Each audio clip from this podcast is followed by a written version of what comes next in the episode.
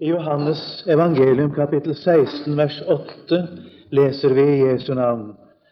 Når Han kommer, skal Han overbevise verden om synd og om rettferdighet og om dom.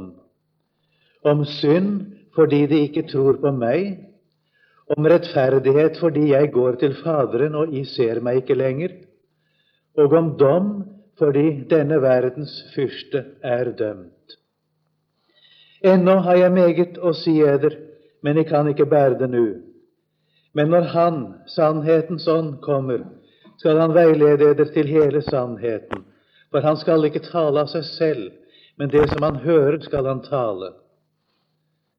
Han skal herliggjøre meg, for Han skal ta av mitt og forkynne eder. Amen.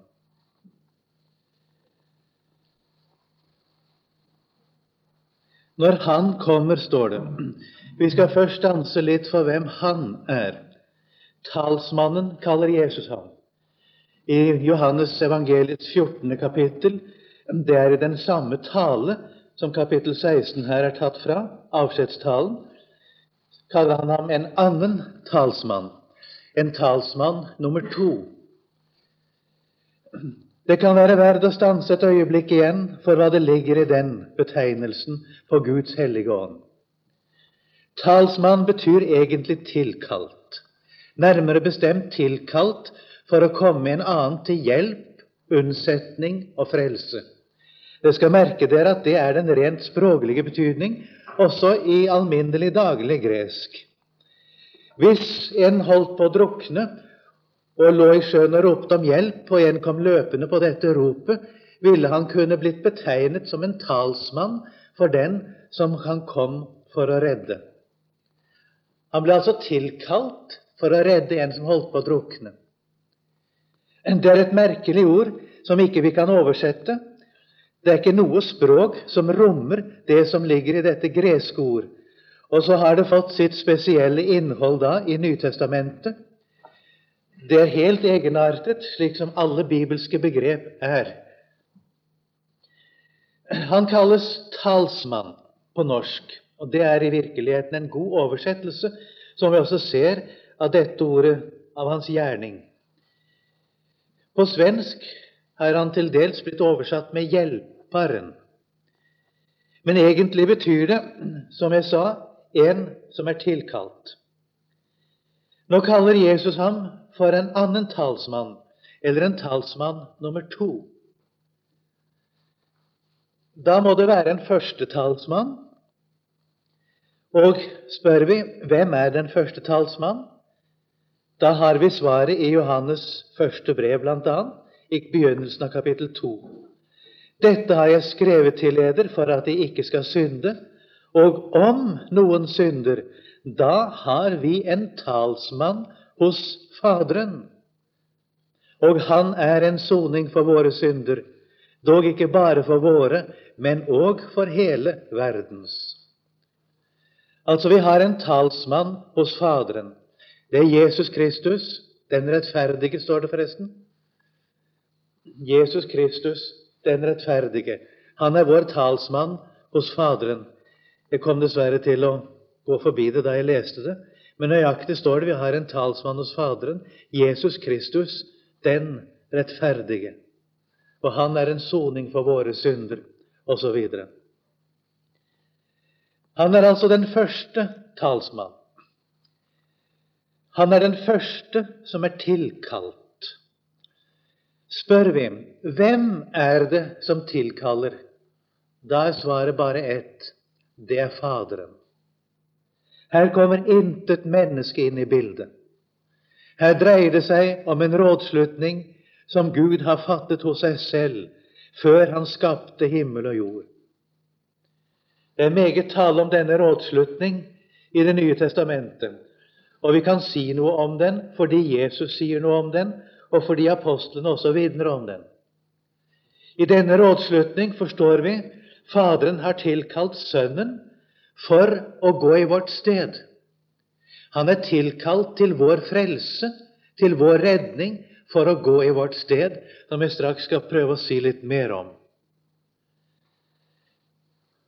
Han er også fremdeles i vårt sted. Han åpenbares i dag i himmelen i vårt sted. Han er den første. Talsmann nummer to. Han er tilkalt for å være i vårt hjerte. Saken er at vi har ikke bare mistet vår gudsfrykt. Vi har mistet evnen til å være gudfryktige. Vi har mistet evnen til å forstå Guds ord. Mistet evnen til å kunne tro. Vi har mistet evnen til å kunne be.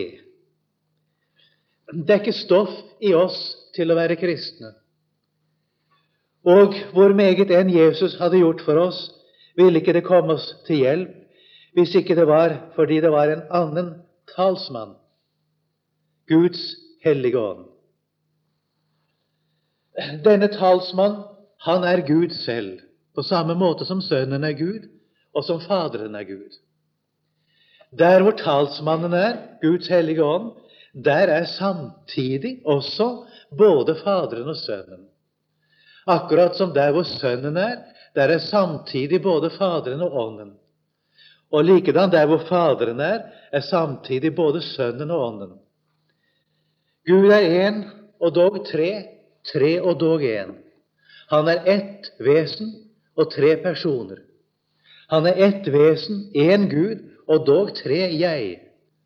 Faderen sier jeg og taler til oss og sier du. Sønnen er et jeg, taler til deg og meg og sier du. På samme måte er Den hellige ånd et jeg. Han taler, underviser, veileder, minner og meget annet. Her står det han overbeviser. Der hvor Guds hellige ånd kommer, der kommer altså samtidig også Faderen og Sønnen. Vi forstår ikke dette, og jeg er ikke engang interessert i å forstå dette intellektuelt. Og kunne jeg forstå Gud, var han ikke Gud. Og det å prøve å sette seg opp og forstå Gud, det er det samme som å sette seg opp imot ham. det. En Gud vi kan forstå, det er ikke den Gud som har skapt himmel og jord, og som har ordnet alt til vår frelse. Nå sier Jesus at talsmannen er kommet for å overbevise. Vi skjønner det er en nøye sammenheng mellom den første talsmann og hans gjerning og den annen talsmann. Jesus måtte fullbyrde sin gjerning for at talsmannen kunne gjøre det som Jesus her sier i sin avskjedstale. Først måtte hele frelsen fullbyrdes, og så sier Jesus, som du så i slutten av det vi leste, han skal ta av mitt og forkynne eder. Egentlig står det i grunnteksten han skal ta av mitt og gjøre dere personlig kjent med det. Han skal ta av mitt og kunngjøre det for eder, sto det i gamle bibeloversettelser. I virkeligheten står det at han skal gjøre oss kjent med det som Jesus har gjort, slik at vi oppnår et personlig kjennskap til det. Og nå skal vi se litt nøyere da på dette ordet. Når Han kommer, sier Jesus, skal Han overbevise verden. Det er et godt ord. Et underlig ord. Vi har så lett for å tro at vi som kristne skal overbevise verden. Det kan vi ikke. Det har Gud heller ikke tenkt vi skal. Jeg kan ikke overbevise noen med min tale, og det vil jeg heller ikke prøve på.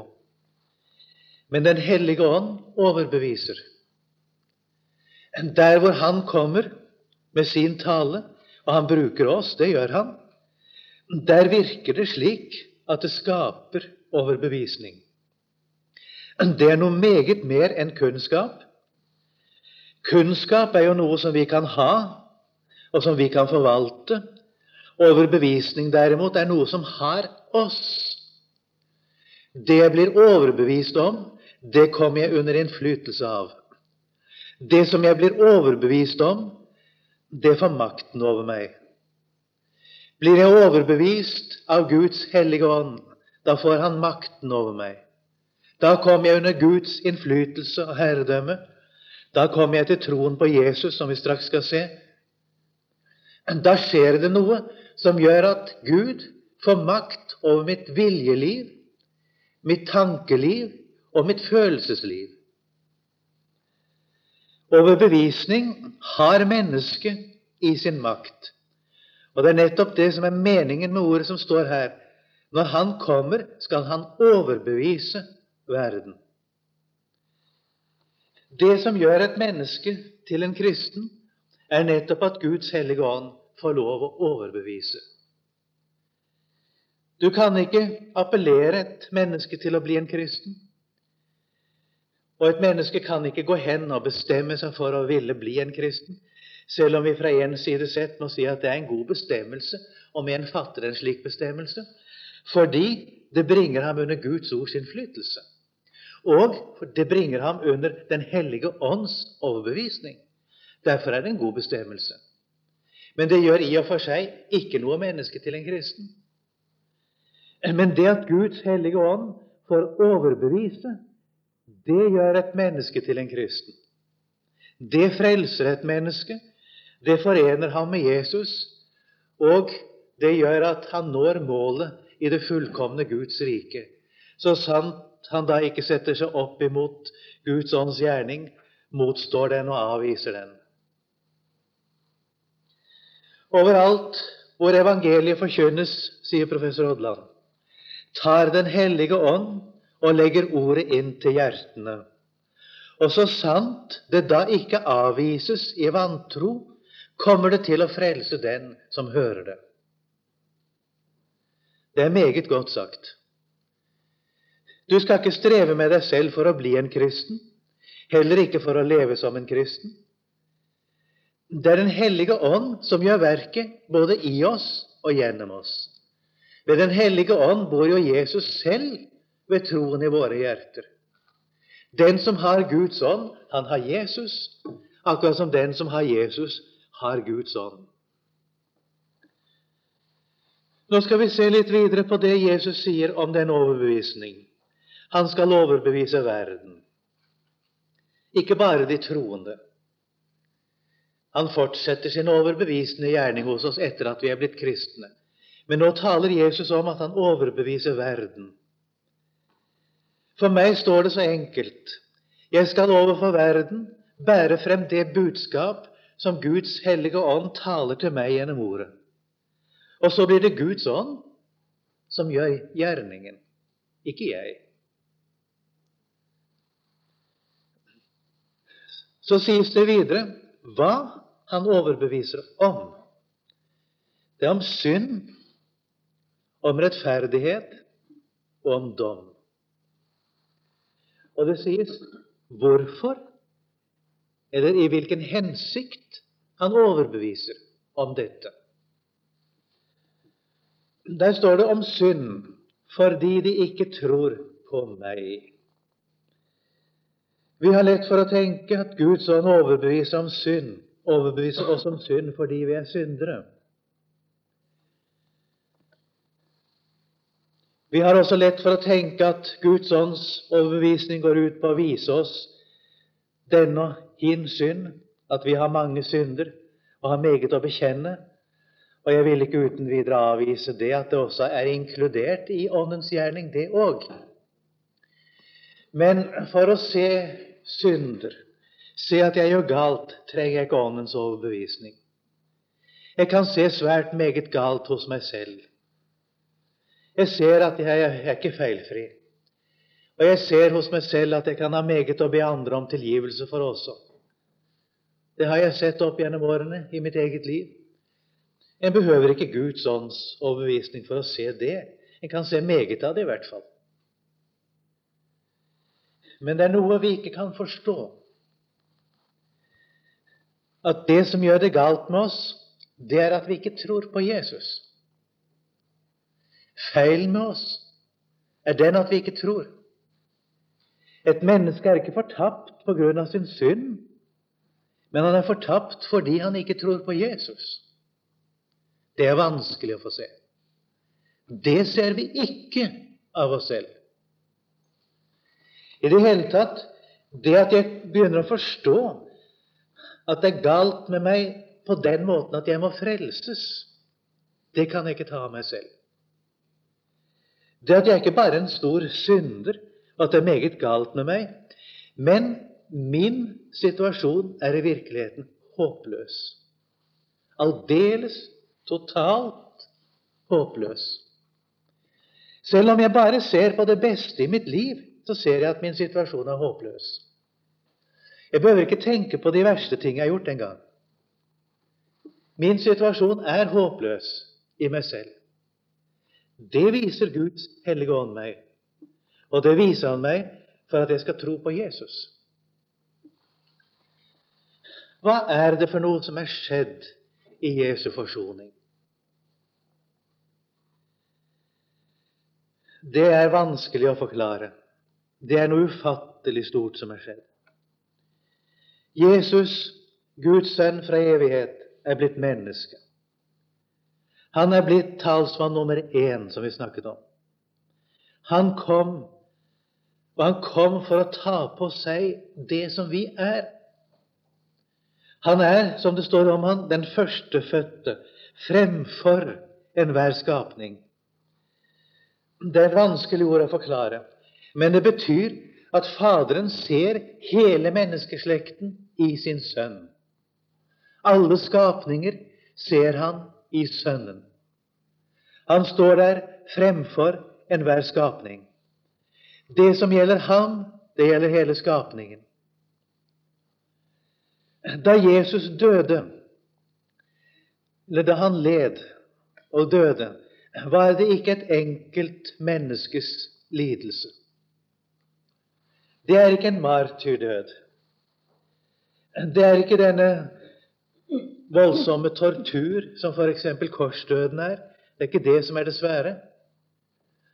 Det er mange mennesker som er torturert både på den måten og kanskje enda verre måter, menneskelig sett. Men det er noe med Jesus som gjør ham helt enestående. Jesus lider alt. All menneskelig lidelse er i Jesu lidelse. All dom over synden er i det som han gjennomgår. Hele Guds krav, det ligger på ham. Det som det er tale om i Romerne 8,3.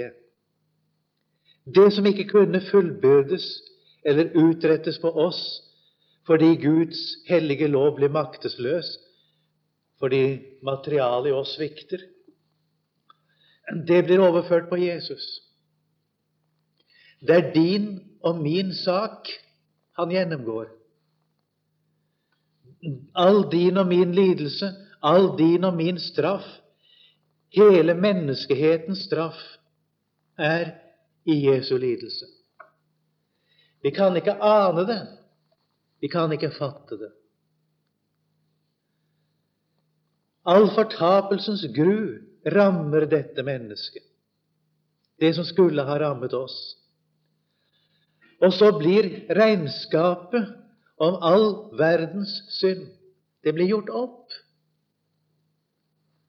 Det mangler ikke noe lenger. Han utslettet skyldbrevet mot oss, det som var skrevet med bud, det som gikk oss imot. Det tok han bort, står det, idet han naglet det til korset.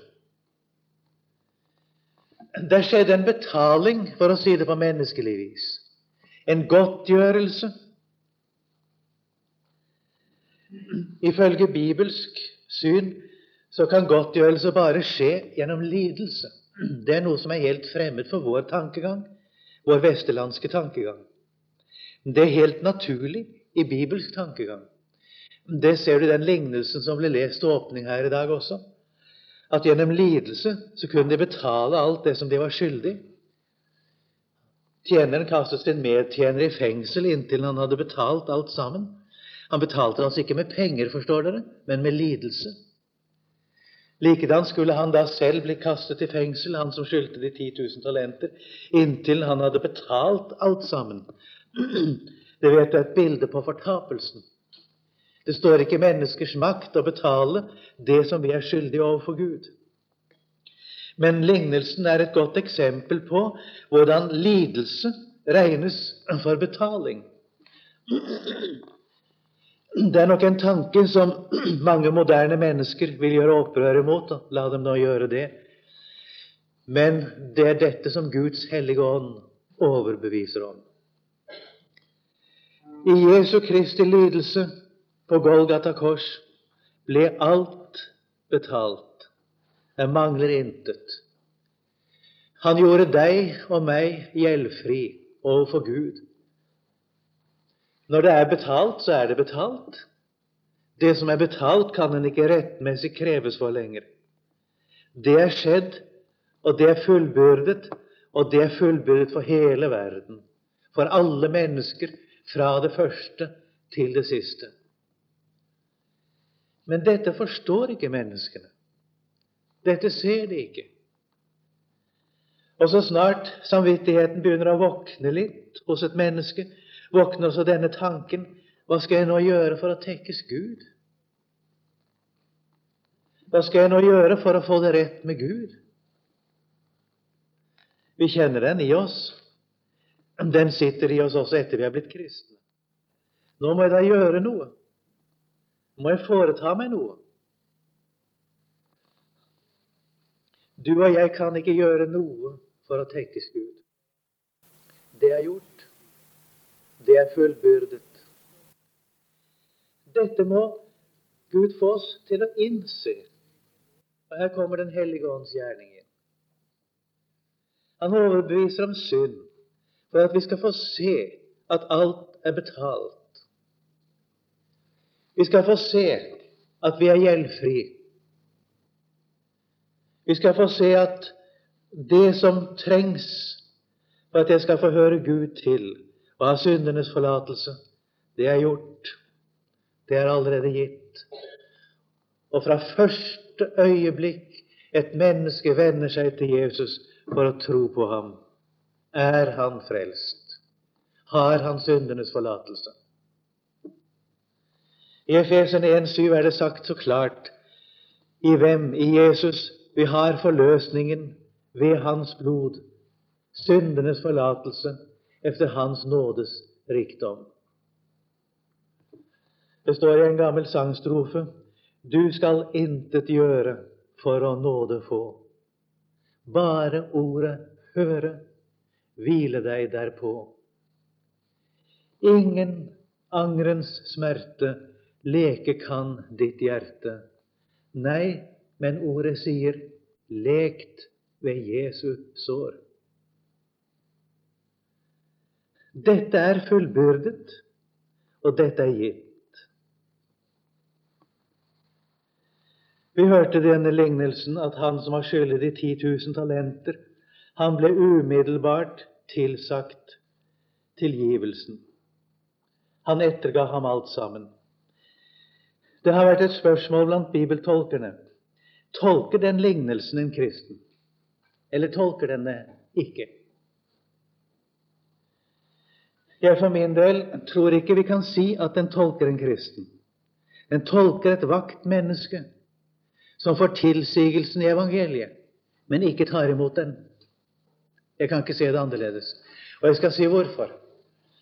Endog i oppgjørets stund så sier han med de 10 000 talenter Vær langmodig med meg, så skal jeg betale deg alt sammen. Og du skjønner, der ligger litt av lignelsens poeng som vi har lett for å overse. Det sier ikke et menneske når han blir overbevist om seg selv. Han må si som så at 'Herre, jeg er deg skyldig, evig skyldig, og kan aldri betale deg.' 'Jeg kan arbeide meg til døde. Jeg greier ikke det heller.' Men om jeg kunne det, da hadde jeg ikke betalt deg. Hva jeg vil gjøre, om jeg gjør mitt aller beste, har jeg dog ikke gjort mer enn jeg var skyldig å gjøre, og kan ikke betale deg. Og Her bruker reformatorene ofte det ordet i Lukas 17, i vers 10. Således skal I, når jeg har gjort alt det som er eder pålagt, si:" Vi er unyttige tjenere, vi har bare gjort det vi var skyldige å gjøre. Sett at du kan gjøre alt hva loven krever av deg. Du kunne dog ikke gjøre godt igjen hva ondt du hadde gjort. Med ditt beste kan ikke du komme lenger enn å gjøre hva du var skyldig å gjøre. Og så er sannheten om oss den at ingen av oss har gjort vårt beste. Ingen av oss er i stand til å gjøre vårt beste. Og når vi står for Gud i regnskapets stund, og Den hellige ånd får gjøre den gjerning som her er tale om, overbevise verden om synd, da kan et menneske nettopp ikke si Vær langmodig med meg, så skal jeg betale deg alt sammen. Da er han kommet der at han sier, Herre, fins det håp? Er det mulig? Kan du frelse en som meg?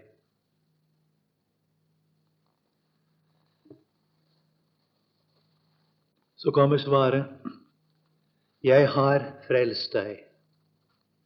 Jeg har sett i nåde til deg, svarer Guds ord. Jeg har gjort alt. Gjelden er betalt.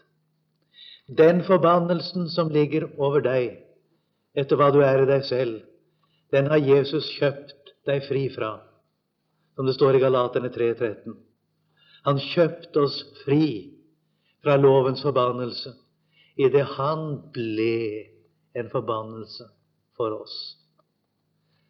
Han ikke bare ble forbannet, altså, men han ble forbannelsen. Vet ikke om du skjønner forskjellen? Det er det jeg talte om i sted. All verdens straff og dom over synden, den er der. Forbannet er hver den som henger på et tre. Og så kommer den, og siterer jeg med vilje forkortet Galaterne 3,14, for at vi ved troen skulle få Ånden som var oss lovt. Og det å få Ånden der, det er altså det samme som å få Ånden som barnekårets ånd. Som beseiling på at man er frelst og hører Gud til, er født på ny.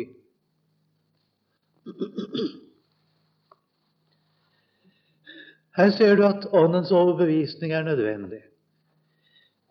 Tenk om menneskene skjønte at Jesus hadde frelst dem, og at de forsto at de hadde bruk for det. Det var meget som kom til å se annerledes ut.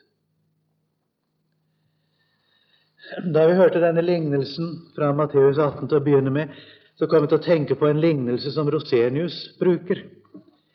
Er, eh, det er vel kanskje med tanke på den lignelsen han har laget den, men den er laget av Rosenius. Sett at en mann skyldte en konge en veldig summe penger og ikke hadde noe å betale med. Han skyldte ham en formue. Og han var hjemfallen til straff, en berettiget straff. Så får kongens sønn vite om dette. Og han ynkes over mannen, og så går han hen og tilbyr å betaler for ham og betaler ham og gjør ham fri. Men så passer ikke lignelsen videre. Så gjør Rosenius en helt annen anvendelse. Så sier han da blir denne mannen så takknemlig. Han blir så lykkelig og fri. Og han har trangt å vise sin takknemlighet og gjøre noe for denne konge som har ettergitt ham alt. Men hva skal han gjøre? Det er ingenting denne kongen hadde bruk for. Sett så det at denne kongen, for at mannen skulle få lov å gjøre noe for ham, setter ham til å spikke fliser eller stikker. De brukte jo det den gangen. Han skulle spikke stikker. Ja, så gjør han det, og det gjør han med glede. Tenk deg da om denne mannen skulle komme en dag og si til kongen ja, i dag har jeg vært flittig, i dag har jeg spikket så og så mange stikker. Tror du det vil gjøre meget inntrykk på kongen? Du skjønner hvor han vil hen. Vi tenker at vi skal gjøre noe for Guds nåde, for å erverve oss dem, for å ha rett til dem, for å fortjene dem, for at jeg skal kunne vite at nå kan jeg da virkelig påberope meg dem. Men du ser, i relasjon til Guds kjærlighet og barmhjertighet, så blir det i virkeligheten helt latterlig, og det er aldeles unødvendig. Og det du kan tjene Herren med, det skal du få lov å gjøre for dine medmennesker, det. Vi får tjene Herren i vår neste. Det var godt det sitatet vi hørte fra Luther, at troen bringer oss inn til Gud, og så bringer kjærligheten oss ut igjen til våre medmennesker. Det er riktig, det. Det neste som står om Åndens gjerning her, er at han skal overbevise om rettferdighet. Og merk deg der fordi Jesus går til Faderen, og vi ser ham ikke lenger. Hva er det som ligger i dette at han går til Faderen? En del hadde jeg talt om. På veien fra avskjedssalen der og til Faderen var det Jesus gikk om Getsemane og Golgata. Men der gikk veien også om oppstandelsen og himmelfarten. Og her kommer vi inn på det som apostelen senere henviser til i det ordet jeg leste fra hans første brev, kapittel 2. Vi har en talsmann hos Faderen, en som åpenbares der i vårt sted, og en som gjelder som om vi var der selv. Vi gjelder i ham, og han er rettferdig på våre vegne. I Efeserbrevets annet kapittel er det sagt fra vers 4 til 7 Vi er oppvakt med ham Jeg siterer ikke det hele. Og vi er satt med ham i himmelen i Kristus. Jeg har lest det ofte her i Kilden. Da Jesus sto opp av graven, da sto jeg opp av graven i ham. Det er mitt liv som står opp av graven. Da Jesus tok plassen ved Faderens høyre hånd, så ble jeg plassert der. Vi, står det, er satt i himmelen i Kristus Jesus. Du som er her nå, jeg vet ikke hvordan du føler det denne stund. Det er slett ikke sikkert du føler det så godt. Du er satt i himmelen, du også. Du har en representant ved Faderens høyre hånd. Og hvis du vil vite hva du har å møte Gud med, da skal du se på Ham. Det vil si, se på det som Ordet sier om ham. Du har det å møte Gud med som Han gjelder for ved Faderens høyre hånd. Han overbeviste om rettferdighet fordi Jesus er gått til Faderen. Og vi ser ham ikke lenger. Nei, det er fordi vi ikke ser dette på en sansbar måte. Vi kan heller ikke føle dette, naturligvis så har vi fått et budskap som skaper en overbevisning. Vi får en overbevisning i hjertet når vi legger merke til ordet og tar det til oss. Vil du vite hva du har å møte Gud med, da sier jeg igjen se på Jesus slik som han er ved Faderens høyre hånd, for der er du satt.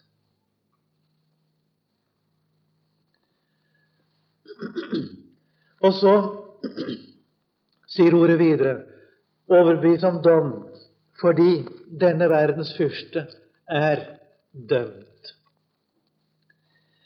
Det er farlig å ta feil av sin motstander. Det er farlig å overvurdere ham, og det kan være farlig å undervurdere ham også. Det som kan være farlig for oss, det er å tro at djevelen skal kunne seire over oss for det kan han ikke, vel å merke, så sant vi tror på Jesus. Det er ett folk djevelen ikke kan få herredømme over, og det er den som holder seg til Guds ord.